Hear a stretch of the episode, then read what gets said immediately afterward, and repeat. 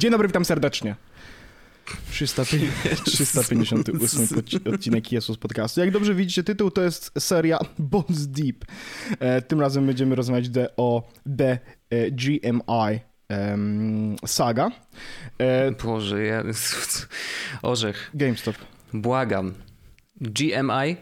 Co to jest GMI? Powiedz mi. GMI. GMI, dobrze. Co to jest GMI? No, A, przepraszam, mi. to mi się. A, a, a najlepsze, to, to, najlepsze jest to, że ja zrobiłem literówkę w tym. Dobrze, już, już jest okej. Okay. E, GME Saga, dobra, będzie łatwiej. E, słuchajcie, to znaczy, że mamy ze sobą speca. E, tym razem mamy ze sobą. E, ostatnim razem mieliśmy Michała Mynarskiego, który był specem od e, procesorów. Jest generalnie mądrym człowiekiem, specjalistą od, od rzeczy, który opowiada o tych procesorach. I e, dzisiaj też. Polecamy tam ten odcinek, oczywiście. Bardzo dobry jest oczywiście w opisie odcinka. link. możecie też dać Michałowi follow, bo Michał jest też w tym odcinku, bo jest specjalistą również od giełdy. Cześć Michał, e, witamy cię serdecznie. E, to ja teraz tylko jeszcze powiem e, krótkie rzeczy. Macie ostatnich 7 dni na to, żeby sobie kupić e, bluzę lub koszulkę e, Jezus podcastową. E, to jest pierwsza informacja. druga informacja, na nagranym na YouTubie pojawił się nowy film, w którym możecie zobaczyć dyrektora Andrzeja, który otwiera 47 paczek w NBA 2021.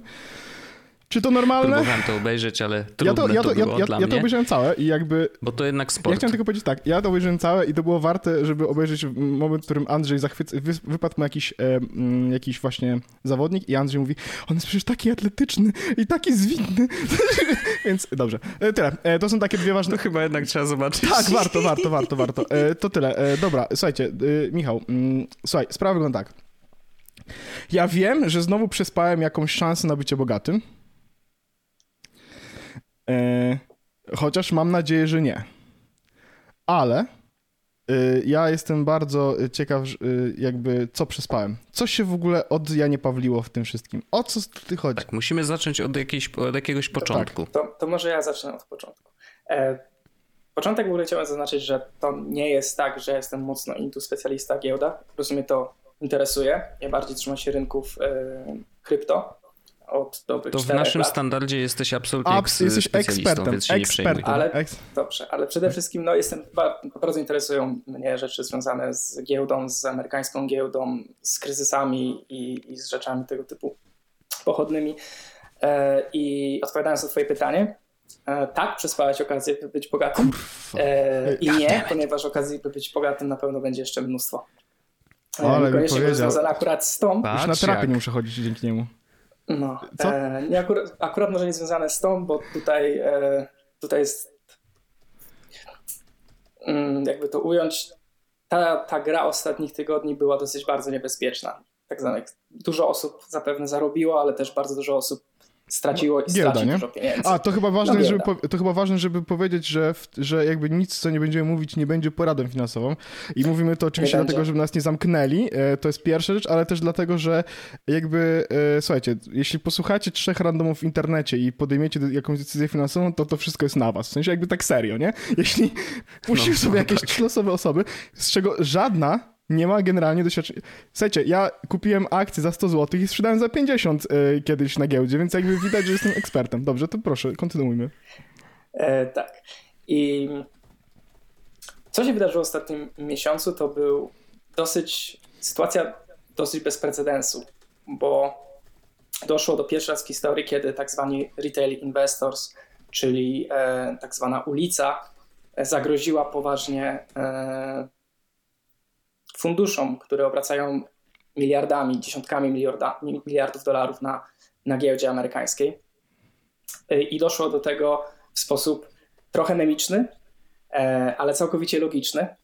Mm, I w momencie, kiedy, kiedy o tym mówimy, trochę już można powiedzieć, kurz opada po tym wszystkim, aczkolwiek dalej jakby ruch, ruch związany z, z tymi inwestycjami ciągle jest bardzo wysoki. Praktycznie każdego dnia coś dziwnego się dzieje. Na przykład w ciągu ostatnich kilkunastu godzin, kilkudziesięciu godzin był bardzo duży ruch na srebrze, który też jest związany właśnie z tym całym czy, czy jak ja widziałem, że Czy jak ja widziałem, że Chipotle wyskoczyło chyba na półtora tysiąca dolarów za akcję, to też jest to? Trudno Coś... mi powiedzieć. Możliwe. Na pewno związane z tym są też inne akcje, takie jak BlackBerry czy, czy AMC, czyli amerykańska Słuchaj, sieć Chin.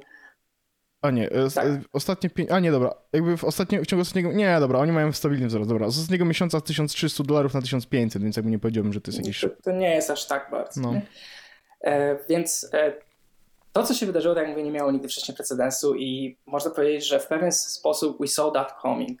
Z czasem, e, w ciągu ostatnich kilku lat, e, aplikacje takie jak Robinhood, czy eToro, czy, czy nawet Revolut pewien sposób zdemokratyzowały dostęp do, do rynków kapitałowych, czego wcześniej tacy zwykli szali użytkownicy mm, nie, nie było to dla nich tak proste.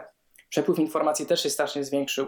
E, mo- możemy, no, praktycznie każda osoba ze smartfonem w kieszeni jest w stanie uzyskać bardzo dobre informacje, jeżeli gdzie szukać na temat rynków finansowych. Jeżeli ma trochę gotówki, to może użyć takich aplikacji do inwestowania. Jeżeli to jest kilka osób, no to jakby nic się nie dzieje, ale jeżeli tych osób są tysiące, dziesiątki tysięcy, setki tysięcy, czy nawet w tym momencie e, subreddit Wall Street Bets, od którego to wszystko się zaczęło, ma już ponad 7 milionów użytkowników, no to jest siła, Shit. to jest siła, która potrafi ruszyć naprawdę duże, duże kapitalizacje na rynku. Więc ja pozwoliłem sobie e, zrobić taki mały, ma, małą listę tego, co się wydarzyło, mniej więcej chronologicznie. I to jest lista na, w oparciu o research, który zrobił dla takiego pana, to się nazywa, pan nazywa się Shamat Palipatia. No i to jest taka znana postać na, na rynkach e, finansowych Ameryce, inwestor, który do tego CEO firmy Social Capital, który słynie z dosyć ostrego języka krytykującego Wall Street, e, regulacje rynku bankowego, e, ale nie na takiej zasadzie, że on po prostu jest antyregulacją, tylko pokazuje, gdzie te regulacje powinny być, a gdzie są, gdzie działają, a gdzie nie. Więc Szamat poprosił o swoich podwładnych o sporządzenie takiej listy, jakby mam, mam przetłumaczenie tej listy w oparciu o to, co mówię w odcinku, w ostatnim odcinku swojego podcastu All In Podcast. Więc 19 czerwca 2009, 2019 roku, czyli półtorej roku temu, użytkownik Deep Fucking Value, to jest jego nick, Nice. Kupuje wezwanie na akcję GameStopu na styczeń 2021 roku, czyli mijający właśnie styczeń, za 50 tysięcy dolarów. I rozpoczyna coś, co się nazywa... Jeszcze raz, co 50? miesiąc- 50 tysięcy dolarów, tak. Okej, okej, no. I od tego momentu co miesiąc postuje na tym subreddicie Wall Street Bets e, coś, co nazywa comiesięcznym e, GME YOLO Update. Czyli po prostu jakby postuje, jak, te, jak ta jego inwestycja się ma. 21 sierpnia 2019 roku, czyli dwa miesiące później, Michael Berry, którego możecie kojarzyć z filmu The Big Short, czyli człowiek, który siedząc w danych Mhm. e, w arkuszach znalazł, znaczy rozpoznał narastającą bank, bańkę na, na, na e, nieruchomościach w Stanach Zjednoczonych, które finalnie doprowadziła do, do globalnego kryzysu finansowego z 2008 roku. Ten pan ujawnia, że kupuje 3 akcje, 3% akcji e, GameStopu. Gdzie ja tylko dop- do- dopowiem, że już wtedy e, wszyscy zdawali sobie sprawę, że generalnie GameStop no, jest upadającym biznesem. Nie? No bo oni nie, ich zaczęli sprzedawać przecież swoje e, tam, tam wiele różnych swoich sklepów. Jakby no, no ewidentnie sprzedawanie gier fizycznych zaczęło spadać. No i, i jakby na razie nie zaproponowali nic, co sprawiłoby, że i inwestor mógłby pomyśleć, a mają pomysł, pomysł na jakiś biznes, e, żeby zrobić jakiś pivot albo zrobić coś innego, nie wiem, przenieść się bardziej do internetu czy coś takiego, nie? Że jakby to była firma, która generalnie no, była skazana na śmierć. To prawda, ale nie do końca, ponieważ GameStop e, w tym czasie nie był biznesem, który, znaczy był biznesem, można powiedzieć, rynku schyłkowego, tak, retailowego sprzedawania Mhm. gier. Do tego posiadał mnóstwo obiektów, fizycznych obiektów, gdzie ta sprzedaż się przeprowadzała i faktycznie na tamten moment nie było planu jakiejś restrukturyzacji, ale też ciężko powiedzieć, żeby to był e, biznes upadający głównie ze względów finansowych, żeby to był, to nie był biznes, który był przyszłościowy, Mhm, ale to też nie był biznes, którego nie dało się odratować. Za to jego akcje były shortowane od dobrych kilku lat przez fundusze, które grały po prostu na to, Co że... to te- znaczy shortowane? Bo to Short- jest ważne. tak, Musimy tłumaczyć jak dla Dobrze. pięciolatka. Więc shortowane, shortowanie akcji oznacza tyle, że e, ja pożyczam akcje teraz od maklera z terminem ich zwrotu, sprzedaję je na rynku, licząc na to, że przed terminem ich zwrotu odkupię je za mniej, czyli generalnie gram na spadki, a różnicę między jedną a drugą transakcją schowam do kieszeni. Okay. To jest przeciwstawne do pozycji long, w której e, te akcje pożyczam, licząc na to, że, e, że one, ich cena wzrośnie. Więc pożyczam, trzymam, potem sprzedaję i różnicę, różnicę zwracam. Więc e, wracając, dużo funduszy shortowało bardzo dużą liczbę akcji e, od wielu lat na GameStopie. Jesteśmy, w, jesteśmy we wrześniu 2019 roku. Ryan Cohen, founder firmy Chewy, w sumie startupu Chewy, z dużym doświadczeniem na rynku e-commerce. Teraz tak, Chewy zrewolucjonizował, zrewolucjonizował w Ameryce sposób sprzedaży karmy dla zwierząt. Zrewolucjonował hmm. między innymi Ryan Cohen poprzez wprowadzenie digitalizacji procesów i generalnie jego duże, duże doświadczenie w e-commerce pozwoliło właśnie przenieść ten, przenieść ten biznes bardziej w, w ramy świata online. 19 września na Wall Street Bets pojawia się post wskazujący, że akcje GameStopu są shortowane na 120% wolumenu. Co oznacza, że tych shortów, czyli wypożyczeń tych akcji było więcej niż akcji, które faktycznie są w obiegu. To jest kluczowe. Jak to jest możliwe w ogóle? Dlatego, że shortując akcję wypożyczasz ją, a nie kupujesz fizycznie. Znaczy, Czyli możesz pożyczyć jedną akcję i, i ktoś pożyczał jedną akcję na przykład pięciu osobom. Coś ten deseń. Generalnie tak zwany market maker może te akcje pożyczać wielokrotnie w pewien sposób. Stąd można wyskoczyć poza ten jakby może limit 100%. Okay. Myślę, ja zostawię wam listę linków, których są fajnie wyjaśnione też tak łopatologicznie, bo jakby to jest dużo objętościowo. To są tak zwane naked shorts, kiedy pożyczam akcję, której de facto już nie mam, albo którą posiada inny inwestor, którego ja jestem maklerem u siebie. Więc jesteśmy w stanie dojechać do tych 120%. Mało tego, w ciągu tej sagi dojechaliśmy podobno do 143% przeszortowania. Również w tym poście z, z, tym, e, z tą informacją autor wspomina o tym, że w sumie GameStop ma całkiem niezły e, loyalty program, gdzie jest 60 milionów użytkowników, że zbliża się nowy cykl konsol i one nie są fully digital.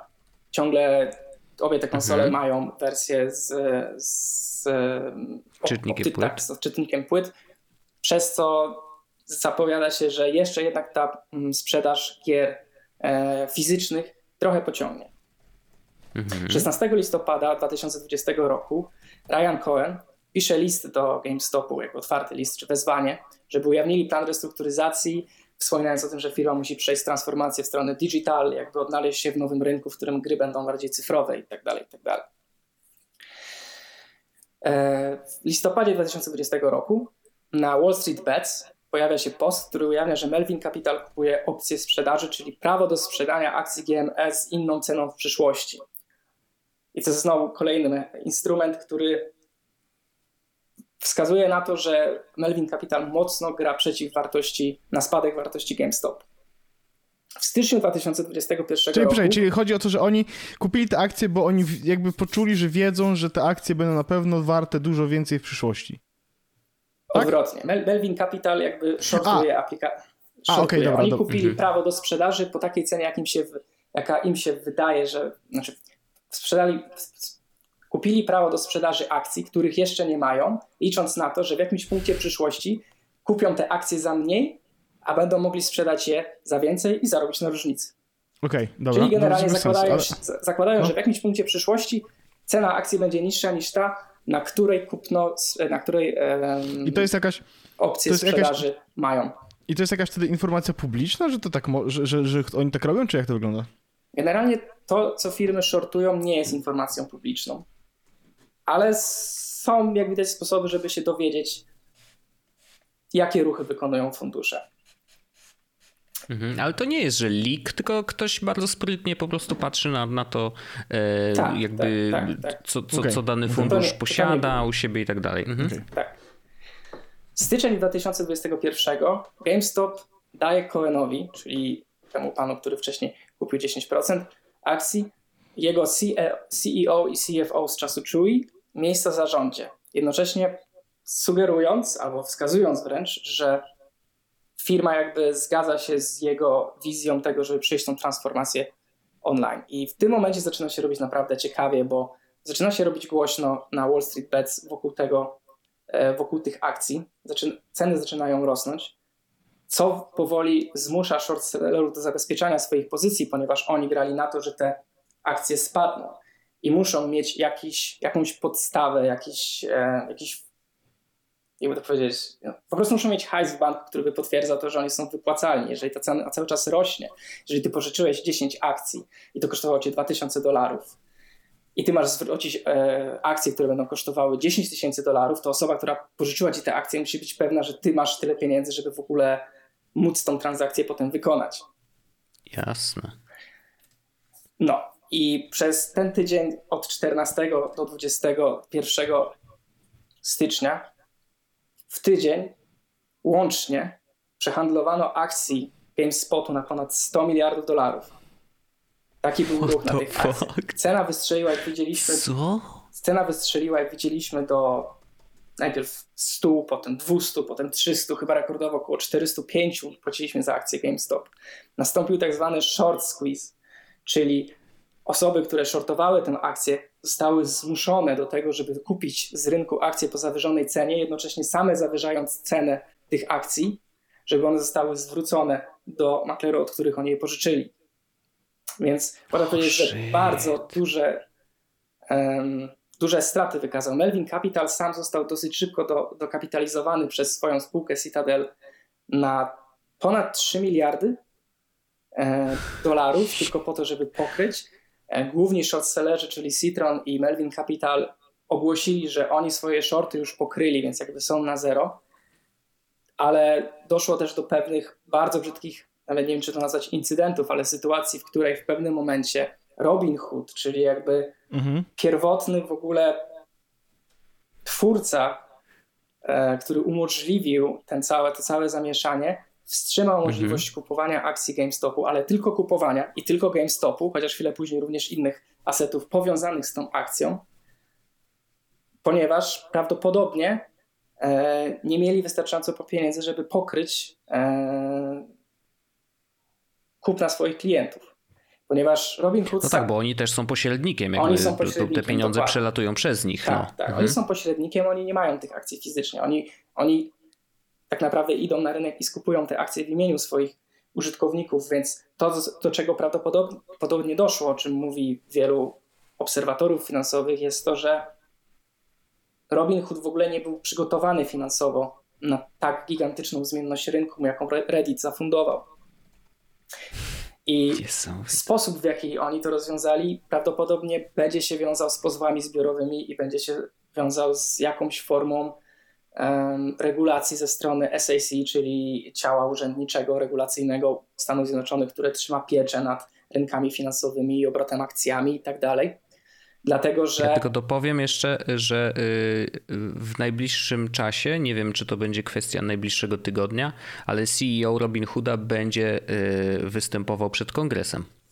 Będzie w związku z tą sytuacją, ponieważ doszło do bardzo poważnego, pozwolę sobie użyć angielskiego słowa disruption, na rynku, dlatego że to jest wbrew jakimkolwiek zasadom, żeby wstrzymać po pierwsze arbitralnie, po drugie tylko dane asety, w tym wypadku to były m.in. akcje GameStopu, a już naprawdę skandalicznym jest pomysł, żeby mm, wstrzymać tylko kupno, bo to, co spowodowało, to był mo moment, momentalna sprzedaż bardzo dużej ilości akcji, co, strasz, co wpłynęło na cenę, po prostu spadła jak kamień na dół.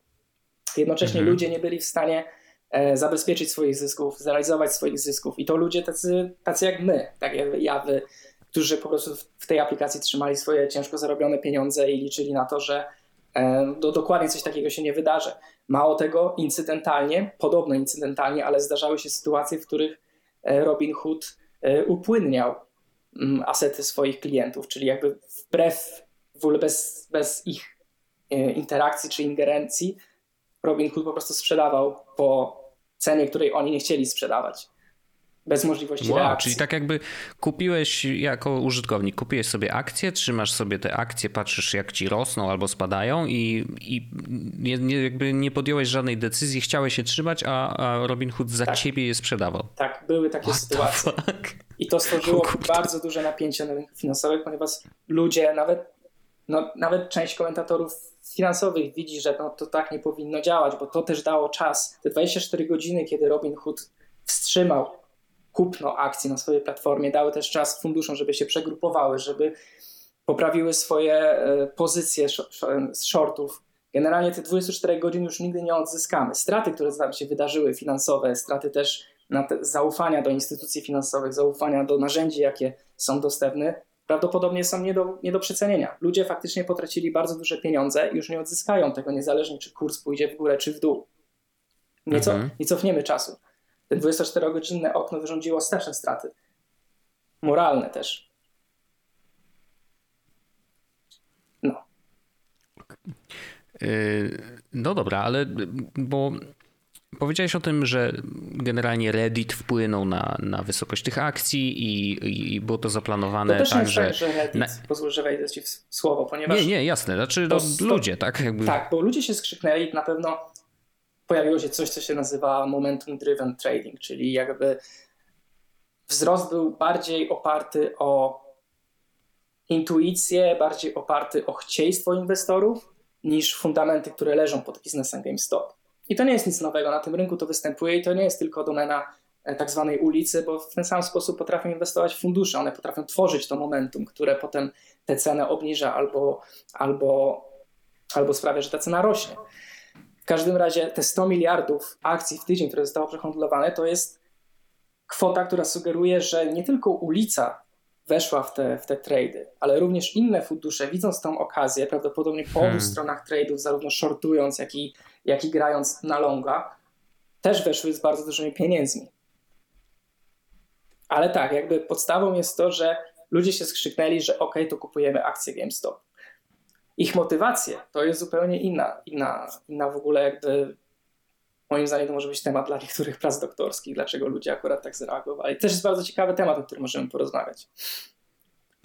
Znaczy, no bo to, to, to jest, wiesz, jakby mm, najbardziej zaskakujące jest to, że akurat w tym przypadku to zadziałało, nie? I zadziałało na taką skalę, że to się rozkręciło, e, bo jakby ja nieraz już widzieliśmy moc Reddita w przeróżnych sytuacjach e, i, i no jednak potrafili zrobić bardzo dużo. E, zresztą Dogecoiny też chyba powstały de facto na Reddicie jako, jako pomysł i żart, a później stały się faktycznie no, jakimś tam instrumentem kryptowaluty, e, nie, znaczy kryptowalutą i już. E, natomiast m, mm, zastanawia mnie to, jakby jak czy, czy, ludzie, którzy się skrzyknęli, to jaki był de facto ich plan? Bo rozumiem, że motywacja mogła być różna. Jedni chcieli zarobić, e, inni chcieli e, w, właśnie jakoś sprawić, że coś na rynku się zmieni. E, no bo zakładam, że oczywiście wiesz, no, widząc to, że to, to, co oni robią, zaczyna działać, no to znaczy jakby trzymali się tego i tak dalej. Mm, natomiast e, zastanawiam się, czy czy ci ludzie, którzy się skrzyknęli, oni ostatecznie mogli na tym zyskać? Powiedzmy, że pomijmy te 24 godziny, kiedy Robin Hood y, zatrzymał kupowanie GameStopu, bo ja przejrzałem dosłownie tego Reddita i wiesz, ja na giełdzie się tak znam jak pięciolatek powiedzmy, ale widziałem jakby posty, które y, się często pojawiały, że najważniejsze jest to trzymać te akcje, czyli nie sprzedawać. Dopóki walczysz, jesteś zwycięzcą. Coś w tym stylu, nie? Ale czy to faktycznie, jakby, no bo no nie możesz trzymać akcji w nieskończoność, nie? Jakby mm, przyjdzie taki moment, w którym pewnie ten hive mind y, ludzi stwierdzi, no dobra, to wystarczy i albo je sprzedajemy, no bo trudno mi jest uwierzyć, że ludzie liczyli na to, że GameStop będzie wypłacał im dywidendy i to za, im wystarczy jako, wiesz, powiedzmy zapłata za to. Chyba, że to po prostu był mem, nie? Na zasadzie, ok, po prostu chcieliśmy e, obniżyć zyski funduszy i, i tyle. I to, o Jezu, chyba mi Google, e, Google Home zaczął Kupuję akcje właśnie od ciebie. Hey Google, stop. Hey Google. O, ej, nie, nie, nie, nie, czekaj, bo mi się moje uruchomiło. Okej, okay, okay, No już, już, już, przepraszam bardzo. No. Wydaje mi się, że wszystkie, znaczy, nie wiem jak to ująć, ale w tym, na tym subreddicie było bardzo dużo powodów, dla których ludzie zrobili to, co zrobili. i ciężko ich zapakować do jednego worka, w którym każdy ma jakąś swoją motywację. Główną motywacją taką początkową, tak, kiedy w ogóle akcje jeszcze były relatywnie nisko, bo dobijały tam do 60 dolarów, e, było to, żeby faktycznie short squeezować fundusze, które no, nie zrekalkulowały swojego ryzyka albo zagrały bardzo głupio. Zagrały, zagrały w sposób tak głupi, że przeciętny inwestor, gdyby sobie pozwolił na takie, e, na takie inwestowanie, to prawdopodobnie zostałby puszczony, znaczy z całą pewnością zostałby w skarpetkach. I też bardzo częstą motywacją, która się przewijała w postach na Wall Street Bets, był pewien sposób odegranie się na Wall Street, na, na dużych funduszach. E, był były, pojawiały się zdjęcia, słynne zdjęcie z czasów ruchu Occupy Wall Street. Tak, widziałem, no. Jak e, tak zwani Wall Street Suits na balkonie e, popijają szampana, robiąc sobie zdjęcia i, i śmiejąc się z ludzi, którzy protestowali pod, dokładnie pod tymi balkonami w związku z, z kryzysem finansowym. I to też nie miejmy wątpliwości, że ludzie, którzy uczestniczyli i uczestniczą w tym wszystkim, to też są nierzadko dzieci, e, ludzi, którzy potracili mają... Nie, A, ludzi, okay, nie. ludzie, którzy potracili majątki na, na GFC, na, na, na wielkim kryzysie finansowym z 2008 roku. Ludzie, którzy potracili tam emerytury, ubezpieczenia, majątki, domy, ziemię. Masa ludzi naprawdę straciła dorobek życia podczas 2008 roku w Stanach Zjednoczonych. I nikt za to nie odpowiedział praktycznie nikt karnie, chyba poza jedną osobą, nie odpowiedział za to, co, co wyczyniały Lehman Brothers i, Bern, i Stearns e, i Burns, jednocześnie, co było dosyć podobnym problemem z tym, co zrobił Robin Hood, czyli uczestniczyły w rynku, mając tak dużą ekspozycję, jakiej nie mieli możliwości pokryć ze środków, które posiadali. Po prostu przelicytowali się w pewien sposób finansowo. I to są ludzie, którzy widzieli, jak ich rodzice wpadali w alkoholizm, w narkomaństwo, którzy widzieli grosze liczone na, na blacie ich kuchni po to, żeby cokolwiek uciłać do końca miesiąca. I oni teraz zobaczyli okazję, żeby się odegrać. I zobaczyli, że faktycznie jak skrzyknie się ich od, odpowiednio duża liczba, to są w stanie zmusić takie firmy jak Melvin Capital, a to nie mówimy o jakiejś tam byle firmy, to jest firma, która obraca dziesiątkami miliardów dolarów do płaczu, do tego, że one w ciągu trzech dni muszą iść do, do kapitalizowania do swoich dużych wujków i bogatych znajomych. Więc to, to na pewno była główna motywacja. Drugą motywacją to jest to, że wiele osób chciało zarobić. Wiele osób opłaciło swoje studia, wiele osób opłaciło swoje długi studenckie, wiele osób opłaciło jakieś operacje siostry. To jest mnóstwo mhm. przykładów. To są takie najbardziej znane, które się pojawiały na Twitterze. Ale faktycznie, jeżeli ktoś wszedł w to odpowiednio wcześniej i wyszedł odpowiednio dobrze, mógł zarobić dziesiątki tysięcy dolarów. Przypomnę, Deep Fucking Value wszedł za 10, za 50 tysięcy dolarów. Warto, mm, wartość. I to dawno. Ostatni raz, kiedy postował, to wartość osiągała 48 milionów. I dla mnie to jest wszystko. A sprzedał, wiadomo. Dla, dla mnie to jest... Wiadomo, jaka jest jego nie, historia nie mam, w ogóle? Nie czy... na ten temat. Mhm. Ciekawe, ciekawe czy, czy załapał się na, na, na, tym, na tej górce. Dla mnie to jest wszystko. To, co wy mówicie, dla mnie to są w ogóle wirtualne rzeczy. W sensie, jakby taki. Ja w sensie wirtualne na takiej zasadzie, że jakby. Mm, to jest aż wręcz brzmi niemożliwie, że się wszystko wydarzyło. W sensie. Yy, zastanawiam się, kto jakby jaki splot, ja oczywiście wiem, że na to nie powiemy, ale wiecie, jakby jaki splot decyzji, jakie były te wszystkie poprzednie kropki, które doprowadziły do tego, że mogliśmy zrobić dokładnie to, no nie? E, że... Wiesz, to trochę jest tak, że ktoś zjadł zupę z nietoperza, nie? Jakby... Tak, ja wiem i teraz wszyscy siedzimy w domach i, i tak dalej. Ja to rozumiem. No tak, domyślam się, że tak to się kończy, nie? Że ktoś gdzieś kiedyś kupił za dolara i stwierdzi, że kurczę, fajnie było, gdybym miał taką opcję sprzedania za dwa. Ehm, I żeby sobie to jakoś zapisać, czy coś takiego. Ehm, ale, ale, ale to jest fascynujące, w sensie jak dużo rzeczy w różnych miejscach nagle wystrzeliło, czy w ogóle się zakręciło po to, że nagle się okazuje, że okej, okay, mamy więcej osób posiadających akcje, które w ogóle się okazuje, że tak naprawdę nie istnieją, bo to jest tak, że to jest pożyczona akcja i 10 osób pożyczyło tą samą i tak dalej, i tak dalej, i tak dalej. I jakby jakieś różne y, instrumenty finansowe, wajchy, y, jakby procesy, które sprawiły, że nagle jakby, y, no wiesz, to the moon. No tak, ale to jest to jest ten sam, znaczy każde tego typu, nazwijmy to wydarzenie, to jest splot jakichś Tak, dziwny, tak. Może nawet nie dziwny. choćby już dzisiaj będzie do, do pożygu wspominane, ale choćby właśnie kryzys z 2008 roku, tam też do tego kryzysu doprowadziło wiele różnych czynników, który każdy z osobna był raczej niegroźny, ale przez lat mhm. usypało kulę śnieżną, która po prostu zmiotła sprawę. Zmiotła strasznie. E, w każdym razie odpowiadając na twoje pytanie, bo tak jeszcze o dywidendy pytałeś. Wątpię, żeby ktokolwiek na, na, na Wall Street Bets liczył na dokument, na, na dywidendy.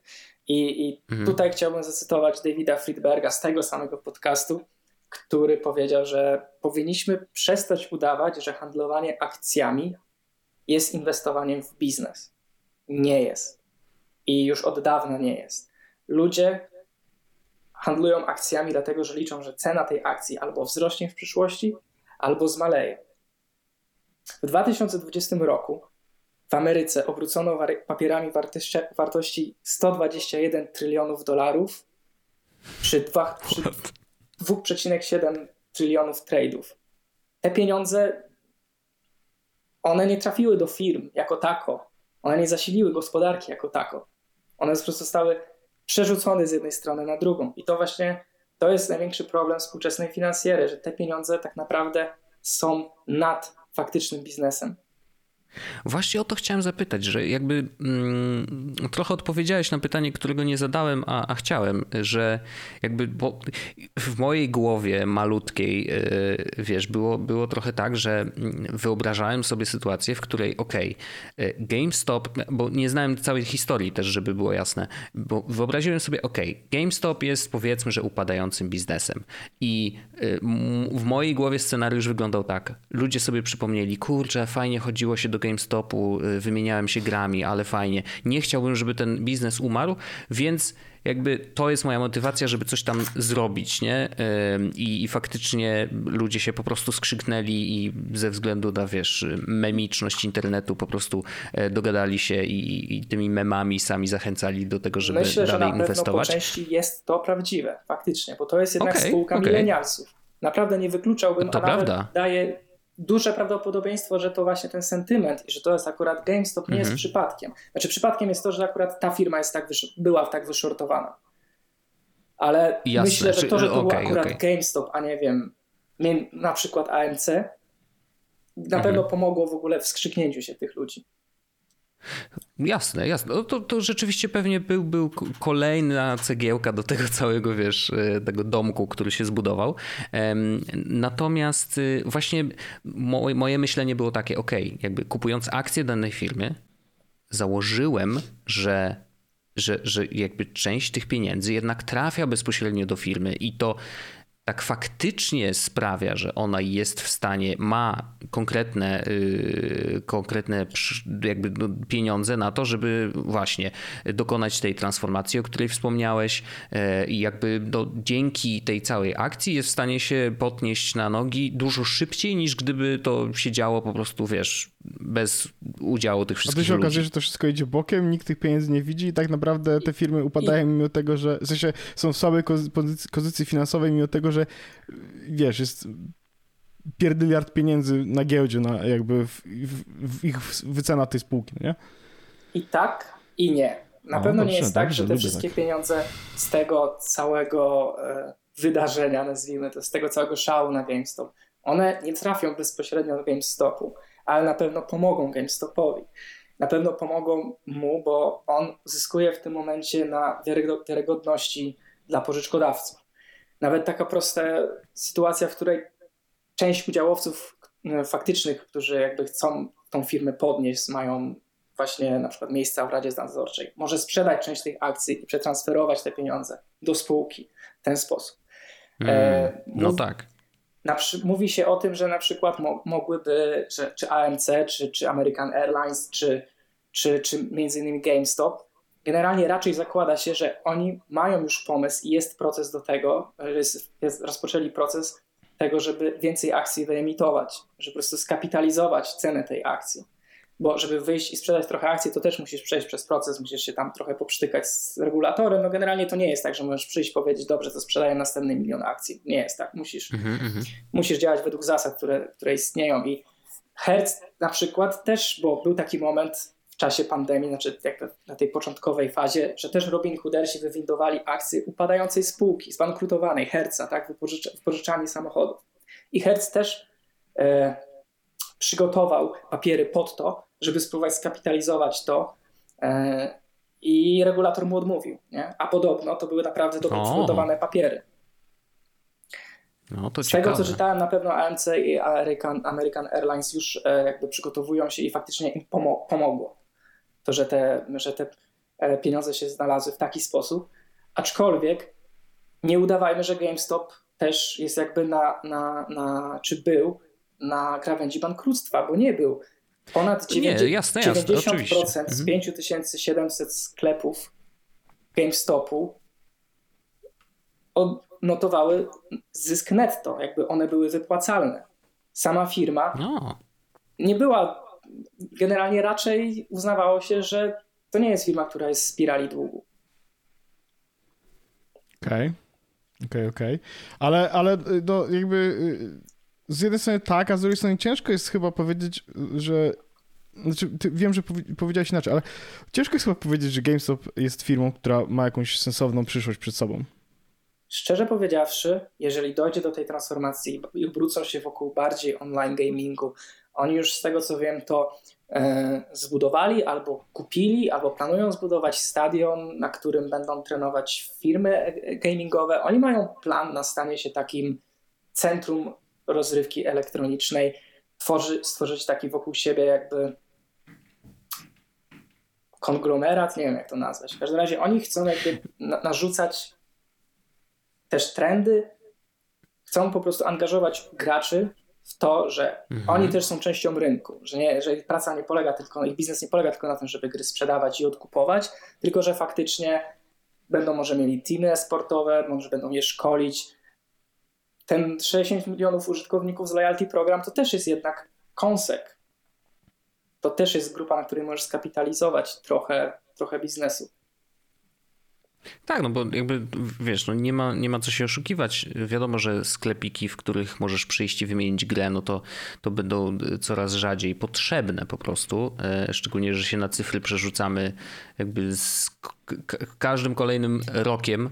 E, zresztą ostatnio nawet o tym rozmawialiśmy, że zastanawialiśmy się, e, jak, jak, jak kupić grę daną i nawet jeżeli ona była droższa w cyfrowej dystrybucji, to zdecydowaliśmy się na cyfrową. Żeby było jasne, na to, ja, wy, to jest wygodne, ja wyjaśnię, nie? bo żeby to było jasne, bo tu może kontekst będzie przydatny. Kupiliśmy po raz szósty albo piąty każdy GTA 5 w wersji najdroższej, jaka tylko jest, zamiast kupić po prostu płytę na Allegro za 56 zł czy coś takiego, bo, bo tyle więcej kosztowało, nie? Nie, nie. Kupiliśmy wersję po 150 zł i jeszcze się cieszyliśmy, że jest w promocji, także ja wyjaśni, mam nadzieję, że wyjaśniłem sytuację, jakby jak wszystko poszło nie tak w naszym życiu.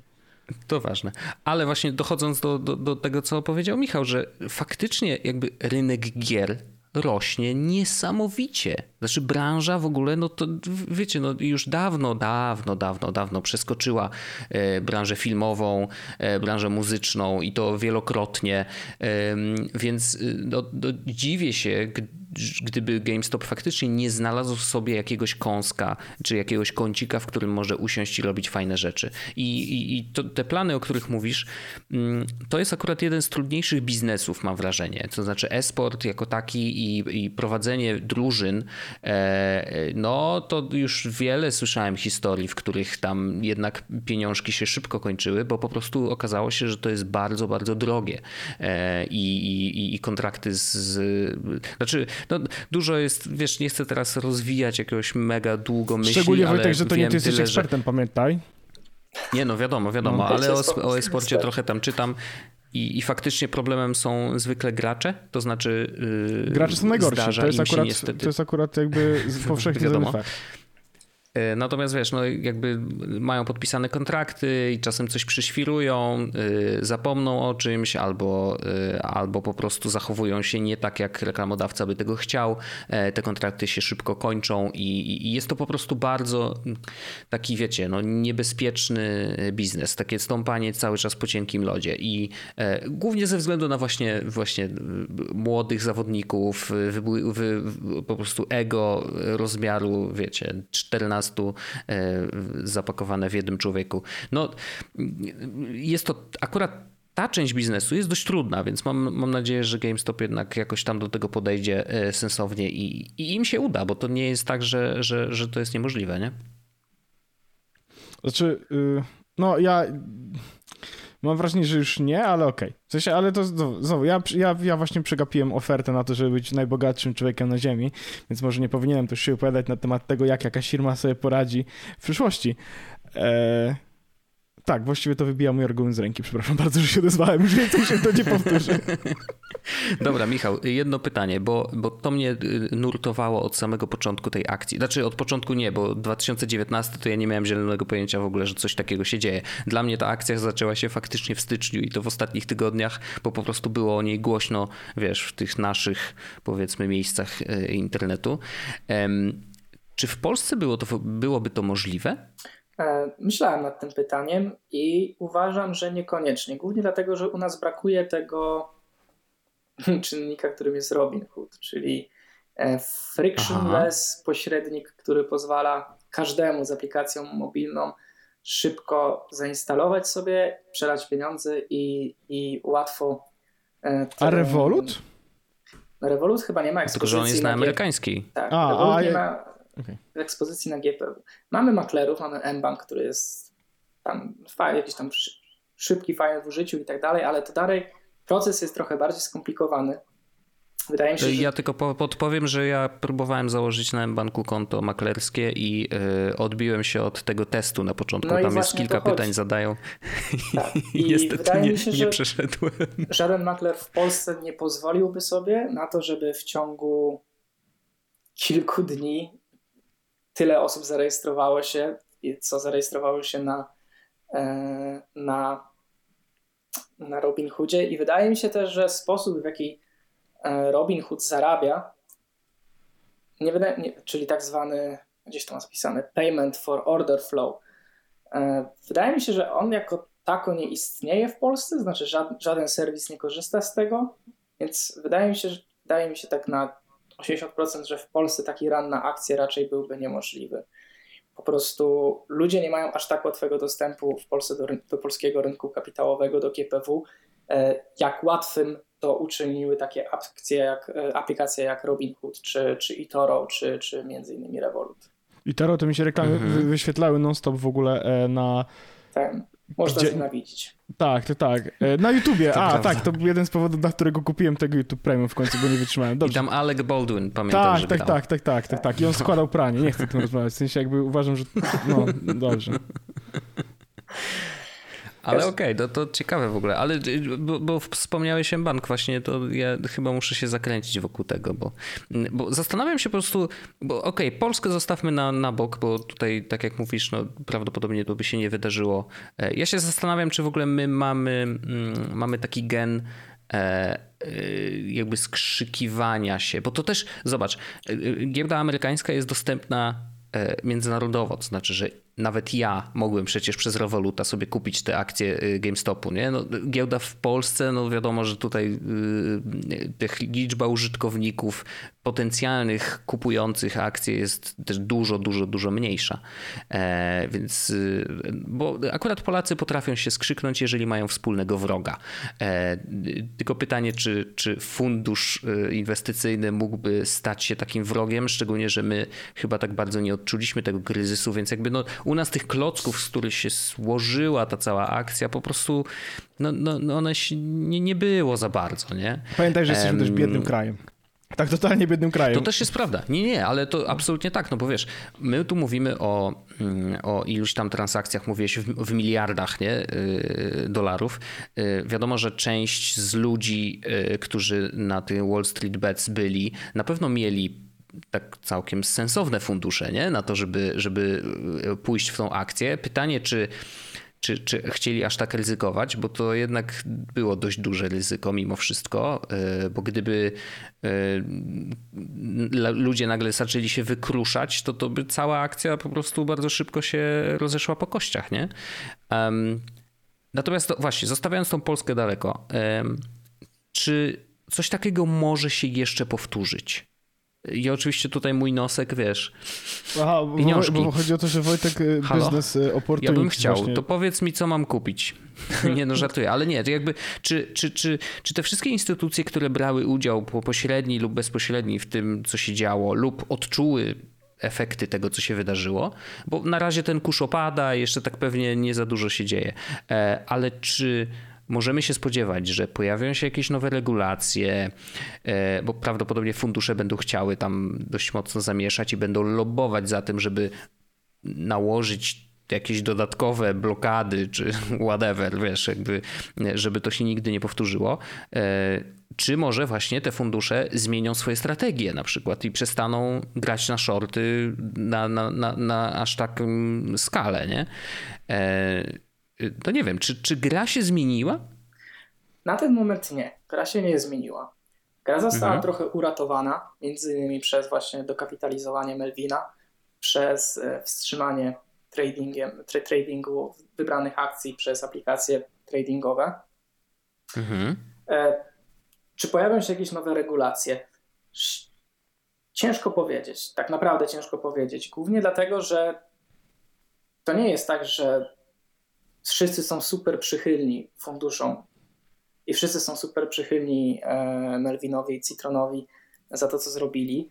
Oczywiście na Bloombergu, czy na CNBC, czy nie wiem, na Yahoo Finance często można czytać wypowiedzi ludzi, którzy chcieliby, e, żeby ta głupia ulica nie mogła się skrzykiwać, żeby ta głupia ulica nie mogła swoją, gotów, swoją gotówką próbować w ogóle jakby zaburzyć rynek do tego stopnia. Prawdą jest też, że w pewien sposób regulacje zadziałały, bo wymusiły na, na Robin Hoodzie między innymi to, żeby on zwiększył swoje zabezpieczenie w gotówce, przymusiły go do czego i do czego on powinien być przygotowany, bo Robin Hood zarabiał na tym, kiedy rynek był w miarę spokojny, ale powinien być przygotowany na to, kiedy rynek przestaje być racjonalny i spokojny. Więc yy, tak naprawdę to wszystko mogło pójść znacznie gorzej niż poszło, jeżeli chodzi w ogóle o stabilność rynków finansowych, to, to mogło być trochę bardziej poważne w konsekwencjach niż było. Na szczęście nie było i to też się złożyło parę aspektów. Czy to się może powtórzyć? Moim zdaniem nie aż w takiej skali, bo prawdopodobnie e, Wall Street zaczęło mocno sprawdzać, czy przypadkiem nie ma, niektóre fundusze mają zbyt dużych ekspozycji na short, na jakieś inne spółki i będą trochę bardziej mhm. ostrożni, mając z tyłu głowy, że jest forum 8 milionów ludzi, których motto brzmi We can be retarded longer than you can be solvent, co można przetłumaczyć, że możemy zachowywać się jak kretyni dłużej niż wy będziecie wypłacalni. I to jest prawda. Nice. E, więc jakby reguły gry się zmieniły, ale zmieniły się w trochę innym aspekcie i trochę dłużej to trwało niż tylko ten ostatni tydzień. Te reguły się zmieniały przez ostatnią dekadę ponieważ doszło do moim zdaniem wspaniałej rzeczy, czyli do demokratyzacji właśnie dostępu do informacji, demokratyzacji dostępu do rynków finansowych. Co pozwala, żeby przeciętny człowiek z w miarę ogarniętą głową i z dostępem do internetu i z telefonem w kieszeni może zagrać w tę samą grę, na której bogate fundusze i miliarderzy robią kolejne miliardy mhm. na Wall Street. I to jest bardzo ważne i powinniśmy dążyć do tego, żeby jak najwięcej, jak największa liczba młodych, w ogóle jak największa liczba małych ludzi, tak małych naszych robaczków tu wszędzie, miała do tego dostęp i żeby ten dostęp był jak najbardziej ułatwiony. Bo tylko w ten sposób możemy zapewnić szanse, równe szanse, również na rynkach finansowych. I to nie dotyczy tylko Stanów Zjednoczonych czy Polski. To dotyczy ponad miliarda ludzi na świecie, którzy są o których się mówi, że są unbanked, ponieważ oni nie mają dostępu do jakiejkolwiek bankowości, czyli problem, który próbują rozwiązać kolejne projekty oparte o blockchain, żeby człowiek w zasięgu anteny z 5G czy 4G był w stanie uczestniczyć w sieci wymiany dóbr, w sieci wymiany pieniądza, w sieci wymiany kruszców itd., tak itd., tak ponieważ tylko pozwalając ludziom, żeby mogli w tym obracać, mamy szansę na faktycznie rozwój na równych warunkach. I to jest, to powinien być w ogóle punkt pierwszy wniosków, jaki wyciągamy z, tego ostatnie, z tych ostatnich wydarzeń.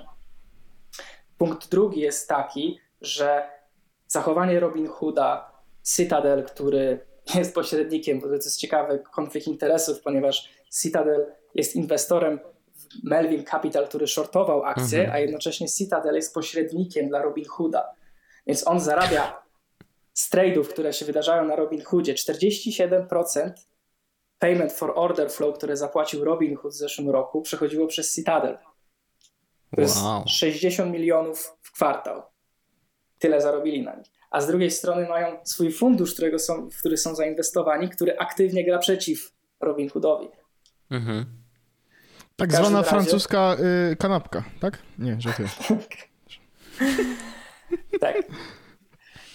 I ra... Nie, to się, dobra, to nieważne, bo mi się skojarzy... W sensie chciałem zrobić żart, który, ale w mojej głowie się okazało, że on teraz może mieć trochę więcej sensu, bo jest przecież ta irlandzka kanapka z czymś tam, z czymś tam, co jest podatkowe, więc jakby byłem blisko, bo to byłem finansowo. Dobrze, słucham dalej. W sensie, ja nie mam nic do powiedzenia, ja, ja jestem oczarowany. Ja jestem oczarowany tym, że jest, nie jestem bogaty w tym momencie, to jest jakby najważniejsza dla mnie informacja. Boli mnie to, nie ukrywam, no jakby polskość mi się uruchamia w takich chwilach, e, ale, ale jakby, no, y, ja się czuję, ja chcę powiedzieć ci, Michał, w ogóle dziękuję w takim miejscu, że... Mm, że ja się okazuje, że ja w Polsce wcale nie miałem tak łatwo, żeby pójść w tym miliardowanie, więc ja, nie boli mnie aż tak bardzo, ale nadal mnie boli, no bo mimo wszystko, nie? Oni się no dorobili, tak... sąsiad się robił, a ja nie mam. No to pocieszę cię, bo były, był sondaż czy badanie z brazylijskiego e, rynku akcji, gdzie wyszło, że 97% traderów jest stratnych. To jest rynek straszny. Ja na, ja na, pe, ja na pewno byłbym tym, y, tym, co nie byłby stratny. To jest mhm. rynek strasznie krwiożerczy również, ale zostawmy to na chwilę. Wracając. Zachowanie Robin Hooda, czyli to arbitralne ucinanie dostępu do kupowania akcji i tak dalej, i fakt, że akcje były naszortowane na 120, 140 ponad ich procent, jest jedną wielką reklamą dla zdecentralizowanych rozwiązań, w których jesteś w stanie w każdym momencie, w każdym punkcie czasie, czasu jesteś w stanie sprawdzić, czyja ta akcja jest, kto ma do niej prawo, w nanosekundach jesteś w stanie określić, gdzie te akcje powinny być, tak żeby nie dochodziło do takich sytuacji. I w przypadku zdecentralizowanych platform e, tradingowych, czyli nie, aktualnie no powiedzmy, że czołowe na, w świecie krypto to jest Uniswap, nie masz, nie masz sytuacji, w której ktoś cię odetnie od możliwości kupna, no bo jest zdecentralizowana. Mhm. Dopóki działa, no to wszyscy mają prawo w niej uczestniczyć. I wydaje mi się, że to będzie kolejny punkt drugi e, wniosków zamieszania z GameStopem, to będzie zwrócenie uwagi na to, że blockchain i decentralizacja, którą, która idzie za nim, jest, ona jest nieunikniona. Naprawdę powinniśmy chcieć dążyć do tego, żeby te aspekty naszego życia zostały zdecentralizowane. I to dotyczy też social mediów, żeby nie można było dowolnie odcinać ludzi od social mediów, do mocy obliczeniowej, storage'u w sieci i tak dalej, i tak dalej jakby jeżeli chcemy, żeby świat był demokratyczny i rządził się na równych zasadach, instytucje centralnie planowane są dosyć dużą przeszkodą. I to był świetny przykład właśnie na to, do jakich problemów prowadzi centralizacja takich miejsc. Mega to jest ciekawe, y, bo demokratyzacja oznacza oczywiście, wiesz, y, dużo plusów, bo daje dostęp i możliwość, natomiast y, wiesz, no zawsze jest taka myśl u mnie w głowie, e, chociaż to jest trochę tak, że jeżeli ktoś się nie zna na tym, mm, a mimo to jakby wchodzi w zabawę y, finansowe tego typu, czy chce grać na giełdzie i tak dalej, e, no to może się dość mocno sparzyć, nie? Tylko, że to, to sparzenie jest tylko i wyłącznie winą tej osoby a nie, e, a nie odgórnie zablokowane przez, wiesz, przez właśnie no jakiś no, tak, tam... to już jest tak naprawdę filozoficzna dyskusja o odpowiedzialności za swoje czyny i, i o tym, czy ja mam prawo decydować o to, w jaki sposób stracę pieniądze. Nie? Czy to moja nieuwaga ma do tego doprowadzić, czy to, że Robin Hood odetnie mnie od możliwości kupowania akcji wtedy, kiedy ja potrzebuję Dokładnie. kupować. Tak dalej. Mhm, mhm. w każdym razie jedyne, co mnie na ten moment może nie tyle martwi, co jestem nie jestem pewien, czy ruch zdecentralizowanych finansów, czyli tak zwany DeFi, który bardzo się zaognił przez ostatni rok, eksplodował wręcz w projekty, które rozwiązują naprawdę całą gamę problemów e, finansowych, czy on dojrzał do tego, żeby ci wszyscy ludzie między innymi z Wall Street Bets, e, nagle weszli do niego. No bo to jest dalej raczkująca technologia, pomimo tego, że ma naprawdę fajny, fajny user experience i tak dalej, ale to jest dalej rynek bardzo świeży. Mhm. A czy myślisz, że docelowo, yy, znaczy powiedzmy, że w idealnym świecie, tak, tak sobie narysujmy taki ładny obrazek, e, czy myślisz, że docelowo e, giełda powinna być oparta na, na, na blockchainie? Tak, uważam, że docelowo to jest jeden w ogóle jakby pierwszy punkt, który powinien być oparty na blockchainie. Głównie dlatego, że właśnie możesz w każdym punkcie sprawdzić, kto co ma i gdzie ma, nie ujawniając jego tak naprawdę tożsamości, bo możesz to zrobić anonimowo, ale mhm. przynajmniej wiesz, że nikt ci nie pożyczy tej samej akcji 7 razy. To po pierwsze. Po no drugie, no tak, zdecentralizowane tak, tak. rozwiązania takie właśnie jak Uniswap, czy Bitcoin, czy, czy, nie wiem, czy Ethereum, czy praktycznie wszystko na blockchainie, ono jest otwarte 24 na 7. Amerykańska giełda w ciągu tygodnia jest mniej otwarta niż jest otwarta. Siedzenie w, Wall, siedzenie w budynku na Wall Street od 9 do 17 to jest przeżytek. Ludzie chcą, ludzie chcą tradeować, czy nie wiem, przerzucać swoje asety całą dobę. Nie chcą czekać na to, żeby ich transakcja się zaksięgowała tak naprawdę dwa dni. Mniej więcej tyle trwa od kiedy ja kupię buy na, e, czy ja wcisnę kup na aplikacji Robinhooda i Robinhood faktycznie zabezpieczy tą akcję. Mhm, mhm. A tak, wszystko może się dziać faktycznie w ułamkach sekundy, nie? Zobacz, ile to problemów też rozwiązuje na przykład z takimi rzeczami, jak um, jesteśmy blisko technologii, bo to jest podcast o technologii. E, metale życie Nie, nie, to już nie jest, y, Michał. No, ale już, mów, już dawno nie był, okej. Okay, nie, no, nie, nie. Macie iPhony. Chcielibyście wiedzieć, że metale ziem rzadkich, do, które macie w tym iPhone'ie, nie zostały wydobyte rękami dzieci w Chinach. No. Tak, potwierdzam, tak, tak. Więc to fajnie byłoby mieć zcentralizowany ledger, który by śledził to, w jaki sposób kto i skąd wysyła te rzeczy, tak żeby to można było zawsze sprawdzić. Ma to sens. Ma to sens. Fajne, fajne. A nie, że producent mi napisze na stronie internetowej. Tak, tylko, tylko czy to jest wykonalne? W sensie, czy to jest w ogóle coś wykonalne? W sensie, bo jakby ja, ja rozumiem, że jakby jak to się ma do metody działania kryptowalut, tylko czy to jest w ogóle aplikowalne w prawdziwym świecie? Nie widzę powodów, żeby nie. Na ten moment to się wydaje abstrakcją, ale to, że Bitcoin będzie za 40 tysięcy dolarów też się wydawało abstrakcją w grudniu. A no tak, także. Czy ja, prawie, że wczoraj. Czy ja mam kupić bitcoina teraz? Jak to wygląda sytuacja? Czy, ja, nie, miało być tu, nie miało być tu żadnych A, no tak, no tak. porad żadnych I teraz na Telegramie ja powinien dostać wiadomość, nie? Tak lub nie. No, dobrze. Ja kopię bitcoiny, e, znaczy inaczej, kopię kryptowaluty ogólnie, natomiast trzymam, e, mam wallet w bitcoinach i, i sobie tam rosną. W miesiąc wykopałem 350 złotych. Warto, w okay. wartości bitcoina, czyli Jak na dzisiaj kopanie, tyle. to powinieneś zacząć czytać o stejkowaniu. Co to jest stejkowanie? Brzmi jak stek. Stejkowanie to jest odejście od właśnie idei kopania, ponieważ ona ma dwie poważne wady. Pierwsza poważna jest no. wada taka, że zużywasz dużo mocy. Czyli w no, wartościach tak, absolutnych to tak, jest dużo tak. mocy, w wartościach relatywnych, mhm. jak, no to, to o to chodzi, nie? Jakby prąd. No, no, no. W wartościach relatywnych, biorąc pod uwagę skąd ten prąd się bierze i tak dalej, i tak dalej, to już nie są aż tak tak niemiłe dla oka liczby, ale jednak no, jest przeświadczenie w świecie krypto, że jest to para, która idzie trochę w gwizdek. I to jest mhm. spowodowane tym, że konsensus tego, w jaki sposób są potwierdzane te transakcje, jest oparty o tak zwany proof of work. Proof of stake, który się robi coraz bardziej popularny, na którym są opierane nowoczesne łańcuchy, na które między innymi przechodzi Ethereum w tak zwanym Ethereum 2.0.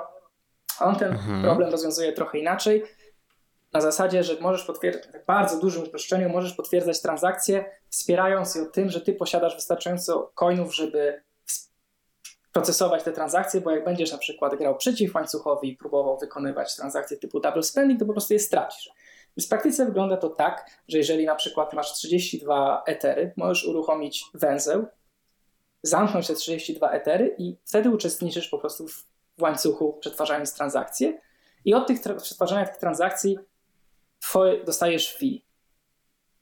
Od 32 mm. eteru, jak zamkniesz 100, no to będzie od 100 eteru i tak dalej, i tak dalej. I dużo no łańcuch... dobra, ale kto liczy? Kto liczy? No, algorytm liczy. Okay. To, to, co Wojtek robi? Co Wojtek, jest... To co Wojtek robi w tej sytuacji? Oprócz tego, że zamyka te pieniądze, to co, co, co musi nic, zrobić?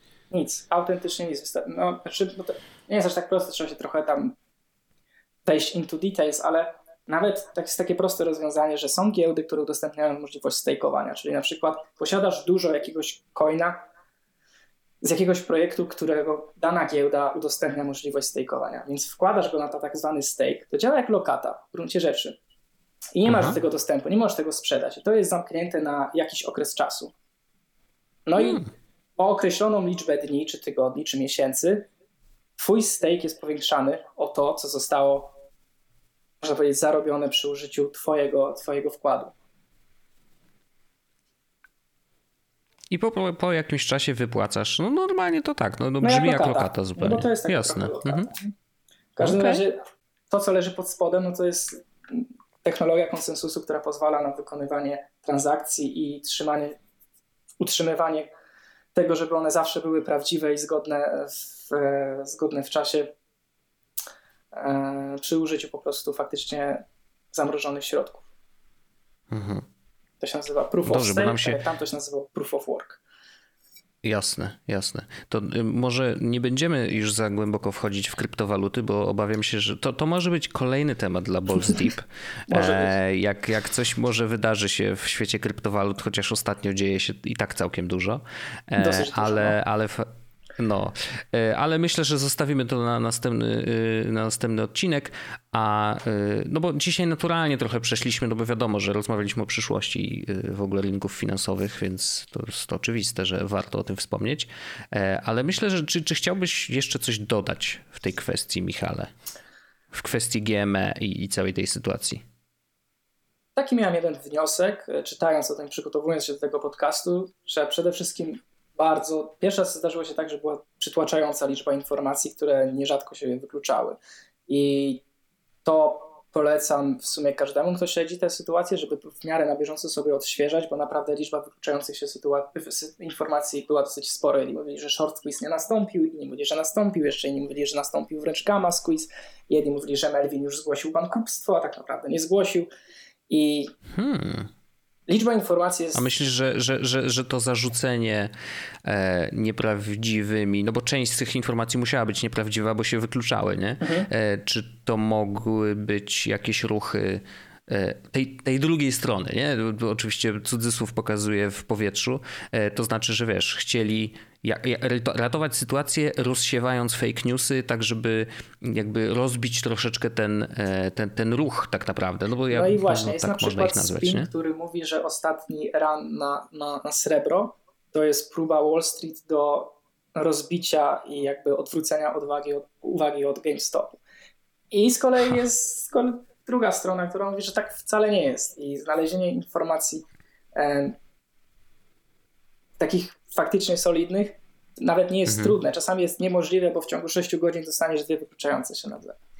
Więc wow. e, istnieje spora szansa, że na przykład to, co powiemy, co powiedzieliśmy, może stać się nieaktualne w ciągu najbliższych godzin. Istnieje mhm. duża też szansa, że pewne skróty myślowe użyte tutaj mogą być nie do końca precyzyjne. Jeżeli ktoś to wyłapie, proszę się podzielić. Ja chętnie jakby się doczytam czy wyjaśnię. Zapraszamy do komentarzy na forum na tyle, oczywiście. Na potrafię. Temat jest dosyć skomplikowany, bo sama w ogóle idea Wall Street i, i faktycznie tego, co leży, leży pod tym, co my widzimy na Twitterze, jest, dosyć skomplikowana i czasami ciężka do zrozumienia dla osoby, która na co dzień się wśród finansów e, nie porusza. Nawet dla mnie tak naprawdę wiele rzeczy musiałem sobie doczytać i jeszcze raz sobie objaśnić, rozrysować, żeby przynajmniej takich najbardziej podstawowych błędów nie popełnić.